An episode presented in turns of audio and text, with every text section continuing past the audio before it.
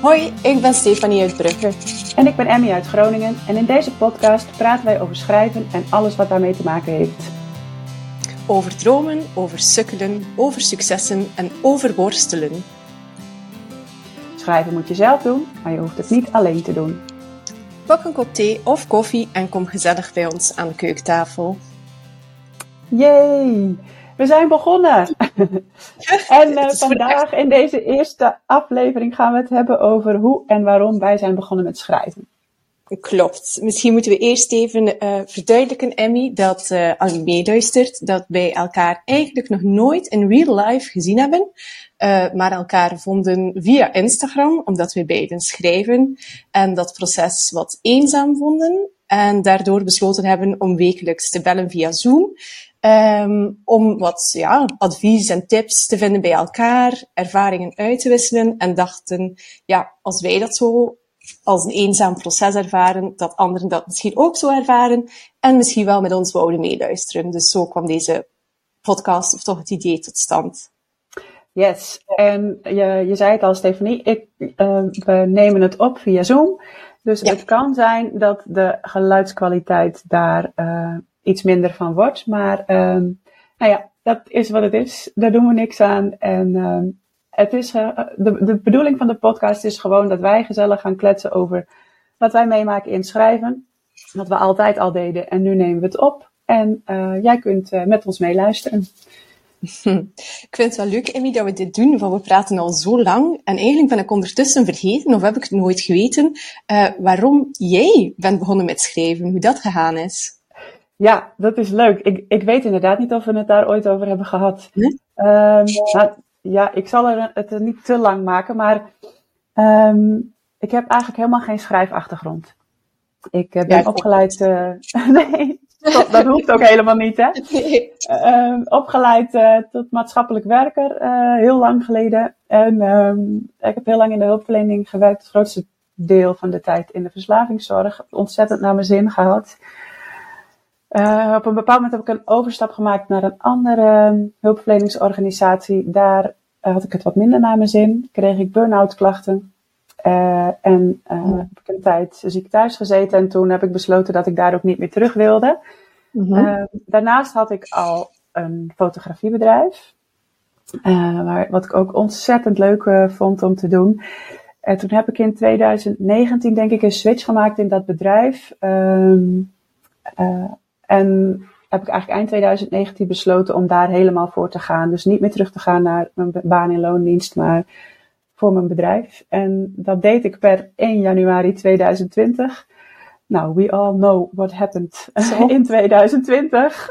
Ja. dus um, toen kon yes. ik uh, door corona en covid niet zo um, heel veel uh, fotograferen. Dat zat er gewoon niet in. En die switch in mijn bedrijf was dat ik me ging richten op mensen met een ernstige of langdurige ziekte. Nou, die wilden natuurlijk al helemaal ja. het risico niet nemen. Dus um, ja, toen ben ik eigenlijk gaan nadenken van wat vind ik nog meer leuk om te doen. Want dat was na die bijna burn-out eigenlijk wel een van mijn belangrijkste uitgangspunten. Wat vind ik leuk om ja. te doen? En um, nou, ik heb mijn hele leven lang gehouden van lezen, uh, van verhalen, van verhalen van mensen ook. Dat is denk ik ook wel mijn link met de hulpverlening nog steeds. Yeah. Um, toen heb ik bedacht om in die periode, in coronatijd, vrouwen te gaan interviewen die uh, door corona in een, in een lastige of rare situatie terecht waren oh. gekomen. Oké. Okay. heel leuk. Ja. Uh, ik heb denk ik tien vrouwen gesproken die in de meest uiteenlopende situaties uh, zaten. Dus er was bijvoorbeeld één vrouw die wilde scheiden van haar man. Maar die man bleef maar bij haar in huis wonen, oh. omdat, omdat hij geen huizen kon bezichtigen, omdat, hij, uh, omdat de, de scheidingsmediator niet wilde afspreken. Nou, oh, door corona? Ja. Oh, kijk eens aan, dat is heftig. Ja, daar heb ik ook nog een boekje van gemaakt toen. Uh, oh. Zie, dat dus ik heb eigenlijk al een boek. ja, wow, nou, daar heb ik nog een echte auteur in de podcast. Zeker, zeker, zeker. nou, ik geloof dat ik er twintig van heb laten drukken en dat uh, vooral familieleden het hebben gekocht. Maar het was heel leuk om te doen en om dat proces oh, een keertje... Heb je er nog, Emmy?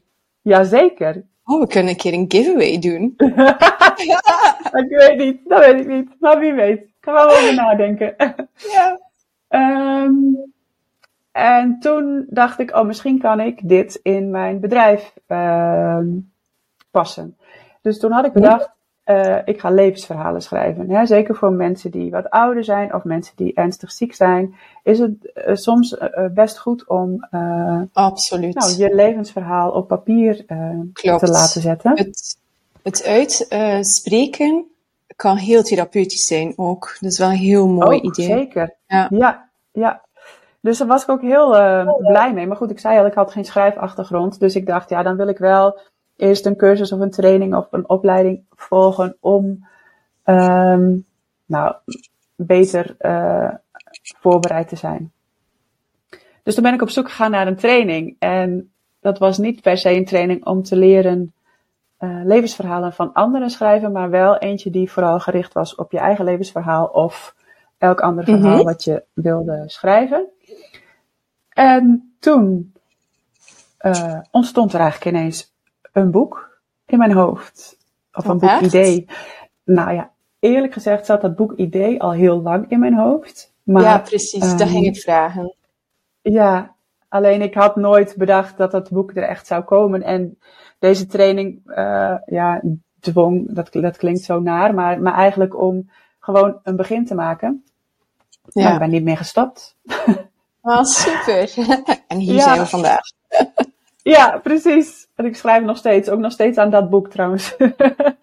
maar uh, ja, zo is het een beetje gegaan.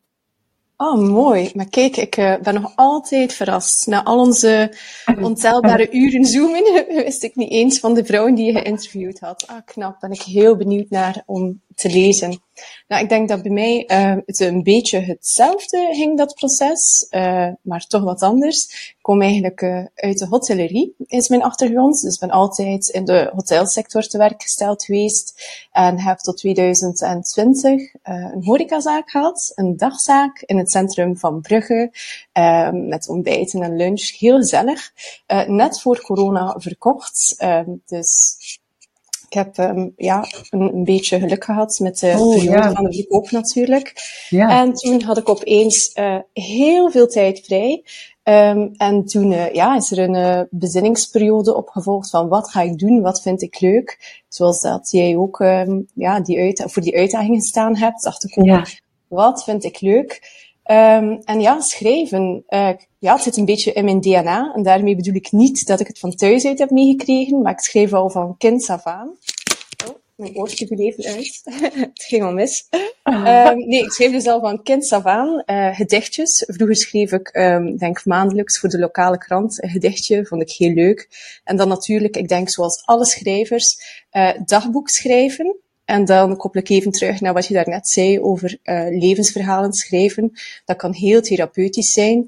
Uh, dagboek schrijven is dat ook een beetje, omdat je dingen van je afschrijft. Um, ja. Dus dat is iets wat al heel zijn leven, ja, als uh, rode draad meeloopt in mijn leven. Um, dus ja, dan in 2020 door de samenloop van omstandigheden heel veel vrije tijd. Um, en dacht ik, nu ga ik schrijven. Er zat al heel lang een idee in mijn hoofd, maar een niet gerijpt idee. Ja. Um, ja, ik denk dat door de tijd die vrijgekomen is, dat ik eigenlijk echt uh, ruimte heb gehad om dat idee te laten groeien. Net zoals jou dacht ik, oké, okay, maar dan wil ik wel wat richting en sturing, want er is een heel groot verschil tussen dagboek schrijven en iets therapeutisch van je afschrijven en Zeker. effectief het uh, vakmanschap. Dus toen heb ik mij vorig jaar aan de Academie voor Woord en Muziek in Tielt ingeschreven.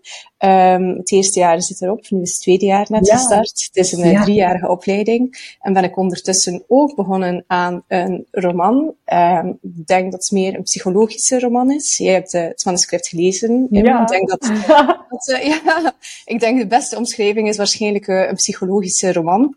Heel grillige vorm. Um, ja, en dat is een beetje waar, of hoe ik erin gerold ben en waar ik op dit moment sta ben ik wel benieuwd, want ik hoor jou zeggen um, een psychologische roman. Denk ik ook dat, je, dat ik het zo zou noemen. Uh, heel grillige vorm, zeg jij. Ja. Is het ook, maar ja, als ik dat zo zou horen, zou ik denken, oeh, daar weet ik niet of ik dat dan moet lezen, want grillig, ja. maar het is, nou, het is wel, ja, nou dat, dat misschien, maar het is wel, het leest wel lekker. Het is Ah. niet dat, dat je je er doorheen moet worstelen. Nee, nee, dat niet. Maar ik denk dat ehm, als ik ooit het geluk heb van uit te geven, eh, dat het het makkelijkst leest of, of dat het erom vraagt om een hoofdstuk te lezen en dan even te laten rusten. Ehm, en, en na te denken, wat wordt hier nu gezegd en wat was de bedoeling van de auteur, denk ik. In die zin zei ik Ja. grillig, maar inderdaad, ehm, uitdagend is misschien een beter woord voor de omschrijving. En ik snap ook dat jij dat zegt. Dat je na het hoofdstuk even moet eh, pauzeren. Maar ik wilde ook wel gewoon weten hoe het verder ging. Zo is het toch ook ja, dan. Ja, dat is een Dus- page turner. Ja, nou vond ik wel, ja. Komt door de korte hoofdstukken trouwens. Ja, klopt ook. Dat Ja. maakt het lekker eh, overzichtelijk. Ja, Nou, ja dus- ik vond het heel gaaf. Ah, kijk. Dus ja, mijn manuscript is eh, eigenlijk af. En eh, ik Ja. stuurde het eind augustus of begin december naar verschillende uitgeverijen. Dus het lange September. wachten. Ehm, ja, september. Het is al bijna oktober weer. Hè. Het Ja, zal je inderdaad december, maar september geweest. Ah, oké. nee, nee, september. inderdaad wel. Nee. Eh, dus eh, nog maar eh, drie, vier weken geleden. Dus het lange wachten is begonnen. Want Emmy, je Ja. weet dat ook. Dat ehm, ja, er een lange wachttijd is bij uitgeverijen. Ja. Het kan drie, vier tot zes maanden duren. Zeven, acht maanden zijn ook geen uitzonderingen. Nee, dus dat is waar ik zit in mijn schrijfproces. Ja. Misschien leuk waar jij zit, Emmy, om dat te delen. Ja, nou, ik zit eigenlijk daar nog een stukje voor. Ehm, ik ben eigenlijk voor mijn gevoel een beetje zomaar gaan schrijven. Mhm. Ehm, wel eh, liep die schrijftraining zeg maar met mij mee. Mhm. Ehm, maar ik had, die, die schrijftraining duurde een half jaar. Dus ik had pas na een half jaar die hele schrijftraining afgerond. Toen had ik al heel veel geschreven. Oh ja. Ik heb ook heel veel plannen gehad met het boek. Eerst werd het één boek. Eh, met me- en toen werd het een boek met meerdere delen. En toen werden het drie boeken. En, oh nou ja, toen werd juist. het met twee eh, tijdlijnen. En nu nou, die, is er weer een tijdlijn uit. Maar nou ja, zo, eh, zo ging dat proces ook een beetje. Ehm, wat ik wel heb gedaan vorig jaar, toen ik zelf het idee had van nu is het af. Maar ik weet Mhm. eigenlijk niet. Ja, omdat je zo weinig. Ehm, ik had natuurlijk helemaal geen ervaring. Dus ik, ik was Nee. er eigenlijk best heel onzeker over wat ik had geschreven. Ik was er zelf heel blij mee, maar ik had geen idee of het ook leuk was voor anderen om te lezen. Wat goed genoeg was om, om Ja. ehm, aan anderen te laten lezen. Dus heb ik een redacteur ingeschakeld. Nou, die heeft. ehm, ja, ik vond het heel fijn omdat ze heel duidelijk aangaf waar het misging. Mhm. er zaten echt van die beginnersfouten in als wisselen van perspectief, waar dat helemaal Oh, niet ja. handig was. En, maar ook als ze hele mooie zinnen las, dan eh, gaf ze dat ook aan. Dat is toch ook fijn. En ze zei ook, nou, je kunt zien dat je kunt schrijven. Daar word je dan ook best als schrijver heel blij van. Absoluut. Eh, Zeer bekrachtigend. ja, heel fijn. Dus ehm, nou ja, daarna ben ik gaan herschrijven. Toen heeft zij er nog een keer naar gekeken. En toen ehm, heb ik het eventjes laten liggen. Ik was er eigenlijk even klaar mee. Ik, eh, ik, ik was zo in dat verhaal gedoken. Mm, Het schijnt dat Ja. dat ook het beste is voor je aan herschrijven begint. Ehm, in mijn eigen ervaring, toen mijn eerste versie af was, wou ik heel snel terug beginnen, want het Ja. moest af. En Ja. ja, onmiddellijk, hoe sneller, hoe liever.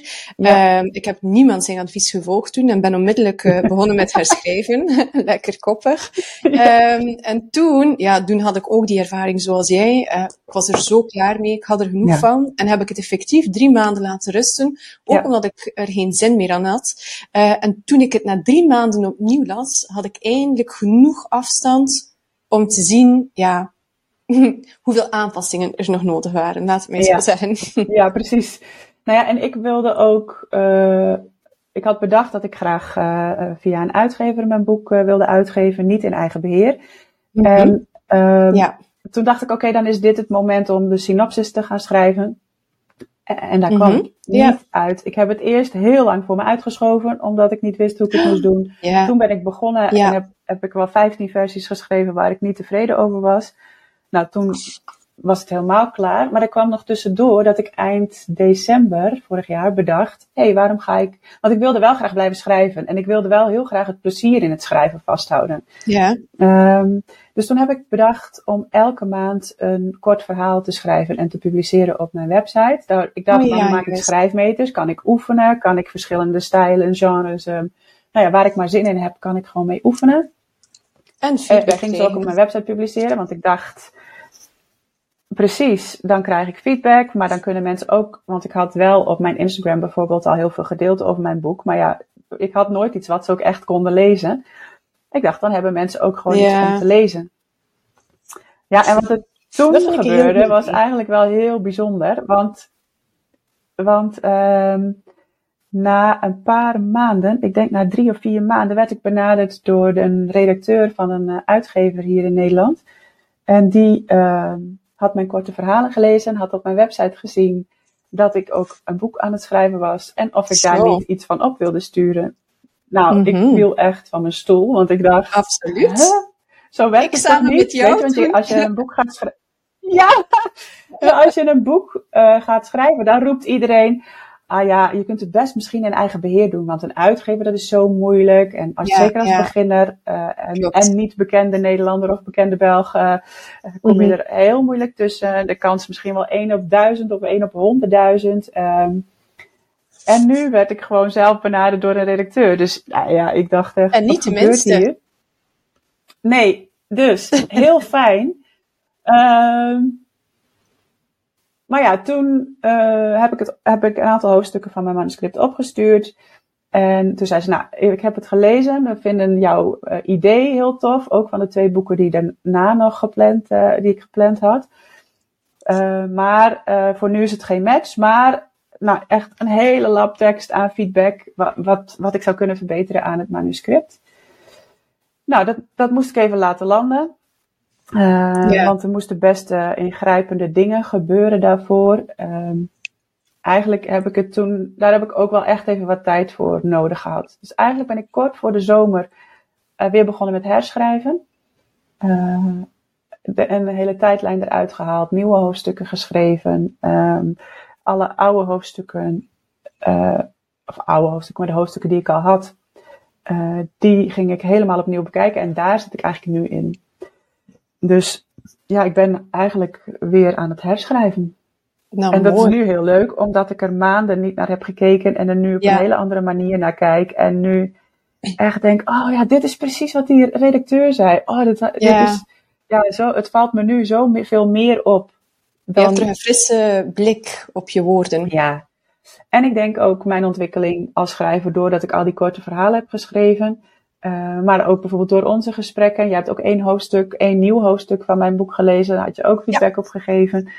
Ja, daardoor ga ik toch steeds weer anders naar mijn eigen teksten kijken. En um, ja, wordt het volgens mij gewoon steeds beter. En dat is natuurlijk het uiteindelijke doel. Dat je het beste boek schrijft wat je kan schrijven. Um, Absoluut. Ja, dat zeg je mooi. het beste wat je kan schrijven, inderdaad. Ja. Zeer mooi, het beste wat jij kan schrijven, dat is het belangrijkste.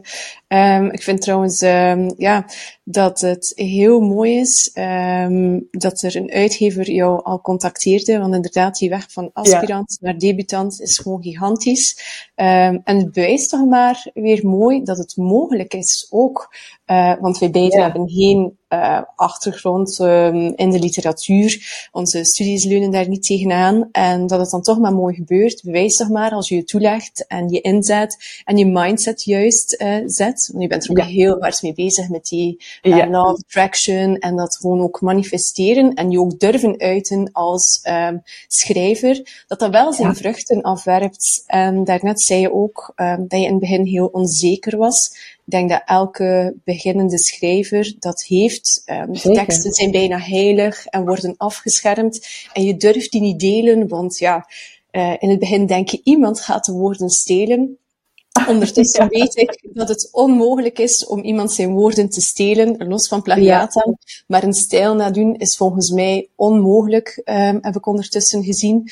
Ik ja. denk dat taal, dat dat een soort um, vingerafdruk is. Dat is zo eigen aan jezelf. Zelfs als je iets zou willen nadoen, ga je altijd sporen van jezelf nalaten. Ja, um, daarom denk ik ook dat er in het schrijversvak dat je het niet over concurrentie kunt hebben. Want niemand kan het boek schrijven wat ik schrijf. En niemand kan ook het boek schrijven wat jij schrijft. Nee, nee, onmogelijk, precies. En dat is wel mooi als je dan inderdaad um, teksten laat proeflezen door andere mensen met verschillende achtergronden, uh, verschillende ervaringen, dat je inderdaad die frisse blik krijgt en kan gaan bijsturen. Um, dat maakt het echt heel mooi. Ja, ja, precies. Dus, hey, en um, jij wacht nu op uh, bericht van de uitgever. Nou, daar, daar moet je best veel geduld voor hebben soms. Ja, Heb ja. Jij, wat, wat doe jij nu dan nog met schrijven? Ja, uh, wat ik nu aan het doen ben. Het was wel grappig, want daarnet zei je ook de synopsis bij jezelf, dat je de eerste versie, um, dat je echt niet wist hoe met die synopsis te beginnen. Ik wou daar ook nog even op terugkeren. Uh, ik vond dat heel herkenbaar trouwens, want toen ik mijn eerste versie had geschreven, dacht ik ook, oké, okay, dan ga ik nu mijn focus leggen bij een synopsis schrijven. En toen ging dat niet. Die synopsis leek moeilijker dan het hele boek schrijven. ja, um, Nu, ik, nu dat ik het uh, volledige manuscript herschreven heb, ja, is de synopsis opeens het makkelijkste wat er is. En ik denk dat dat een goede um, uh, graadmeter is om te zien ja. of je eigenlijk snapt wat je zelf geschreven hebt. Ja. Um, want nu kan ik mijn boek eigenlijk in, in twee zinnen samenvatten. Uh, dus ik denk als, als het goed lukt om een synopsis te schrijven of vlot, dat het boek dan eigenlijk ook wel goed zit. Um, ja. Dus die synopsis is ja, uiteraard ook klaar. Het is verstuurd. Wat ik nu doe, eigenlijk um, heb ik een tweede boekenidee in mijn hoofd. Yay! Maar ik ben daar niet aan begonnen, want ik heb geen tijd. En dit slaat nergens op, want uh, ik werk dus maar part-time. Misschien even aanhalen dat ik um, begin september dus uh, een part-time job heb aangenomen uh, als interieurstylist in een interieurwinkel. Um, dus ja, met part-time werk heb je normaal voldoende tijd om toch nog te schrijven, maar ik ben daar nog niet in geslaagd omdat ik nog wat andere projecten lopen heb. Uh, dat klinkt heel chic, is niet. Uh, de maandag uh, ga ik dus naar ja, het is wel een beetje chic, maar het is, uh, ja, stap voor stap allemaal. ik zie Emmy knikken, dat zie jullie niet. Emmy is heel aan het knikken aan de andere kant. Um, ja, ik, eh, de maandag ga ik dus naar de les. Daar heb ik ook altijd opdrachten voor. Dat vraagt ook wel wat tijd. We zijn met vijf studenten in de les. Um, zij schrijven ook teksten en wij kunnen dit uploaden in een Dropbox. En wij moeten ook elkaar teksten, teksten lezen en feedback geven. Dus daar ben ik wel een dagje per week mee bezig. Um, ja, ik schrijf ook columns eigenlijk voor twee magazines. Ik verhat het bijna. Dat is toch wel chic? ja, eigenlijk is dat wel tof. Want vroeger was dat zo'n droom natuurlijk. Uh, ja, ik ben van het tijdperk uh, Sex and the City. Dus Carrie Bradshaw was uh, een groot voorbeeld. um, dus ja, ik schreef twee columns. Eentje maandelijks voor Bloom. Dat is een spiritueel magazine. En dan uh, per kwartaal nog eentje voor Mantra Magazine. Um, de Mantra is Nederlands, Bloem is Belgisch. Dus daar kruipt ook wel wat tijd in. Omdat ik dat gewoon leuk en goed wil doen. En dan daarnaast heb ik een samenwerking met uh, een keramist, een Belgische keramist van aan de kust. Dat zijn veel K-woorden opeens, merk ik. Um, en voor hem, ja toch?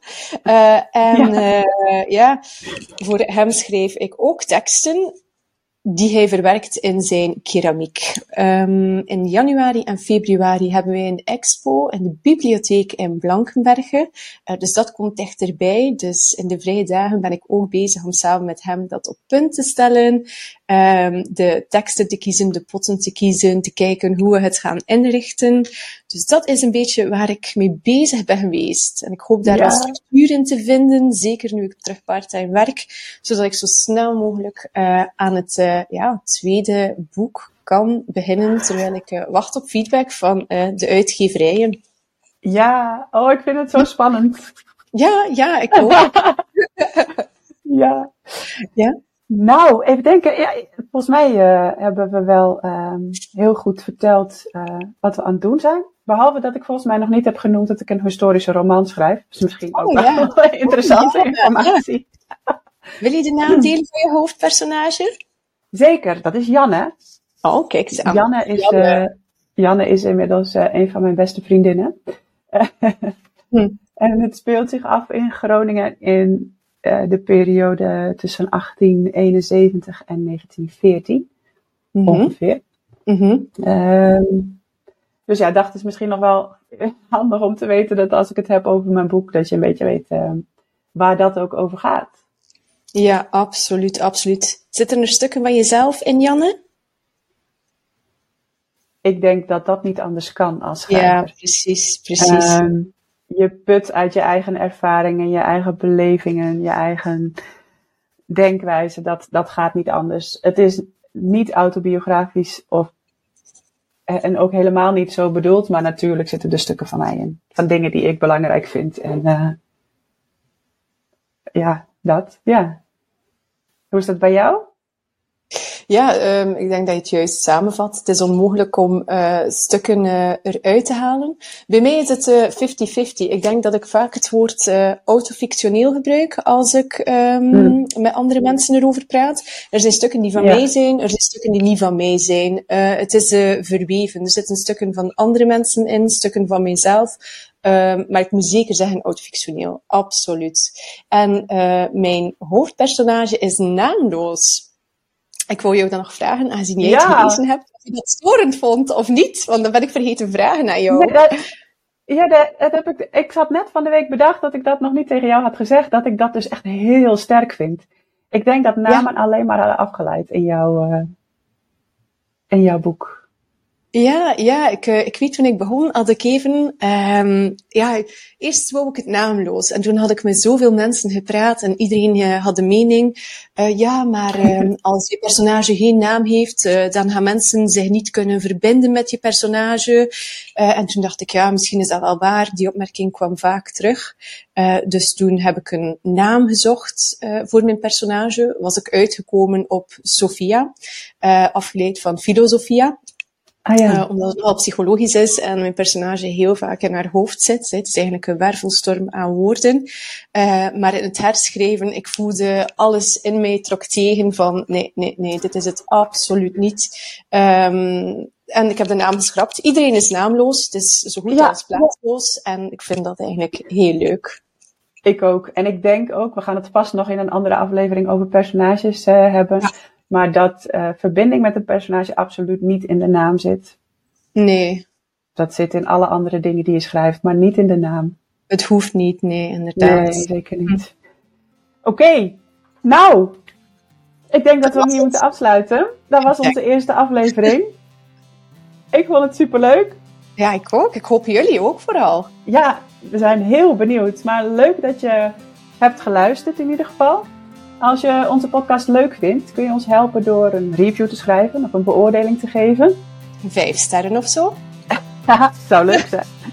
en, en, ken je iemand die het leuk vindt om ook bij ons aan de keukentafel te komen zitten? Deel dan gerust de podcast. Zo help je ons ook, want dan komen we hoger in de ranking en kunnen meer mensen ons vinden.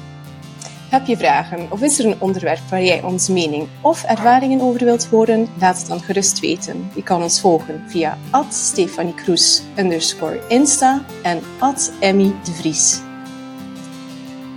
Oké, okay, tot de volgende keer. Doei! Doei!